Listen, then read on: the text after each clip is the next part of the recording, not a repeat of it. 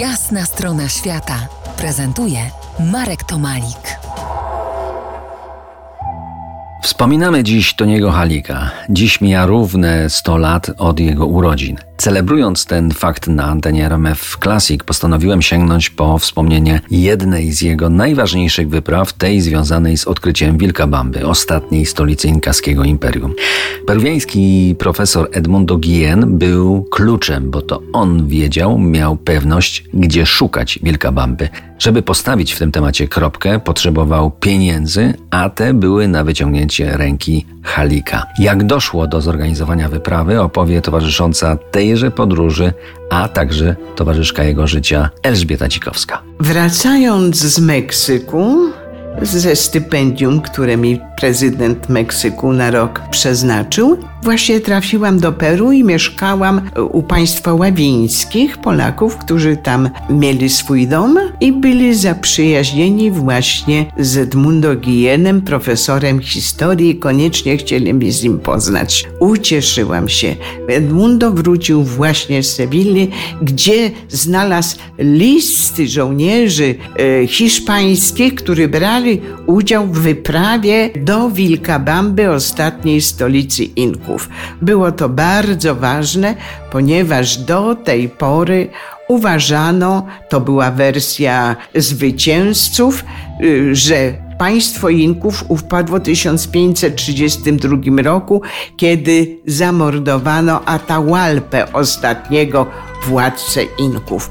A zwyciężeni Inkowie powiadają nie, dopiero wtedy, kiedy upadła Wilka Bamba, czyli 40 lat później, ale gdzie owa Wilka Bamba?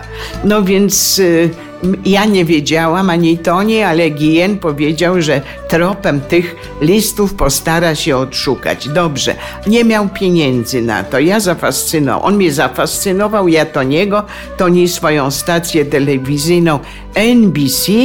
Znalazły się pieniądze i pojechaliśmy do tej Wilkabamby. Cusco, do Cusco dolecieliśmy, potem do Kijabamby pociągiem, potem jeszcze kawałek ciężarówką, a potem przez tydzień na koniach i na mułach, tak, do owej Wilkabamby.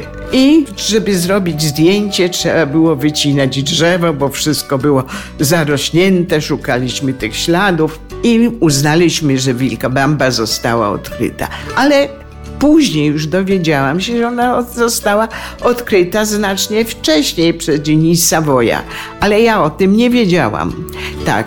I y, oddając y, cześć poprzedniemu odkrywcy, y, przyznaję jednak, że czegoś żeśmy dokonali. Byliśmy pierwszymi Polakami, którzy tam dotarli i mój film pokazał tą Wilka Bambę i książka właśnie Polakom, a to niego, to niego film był pierwszy, który ją pokazał na świecie, więc nie byliśmy odkrywcami, ale uważam, że była to ważna wyprawa nie tylko dla nas. To jest jasna strona świata w RMS Classic.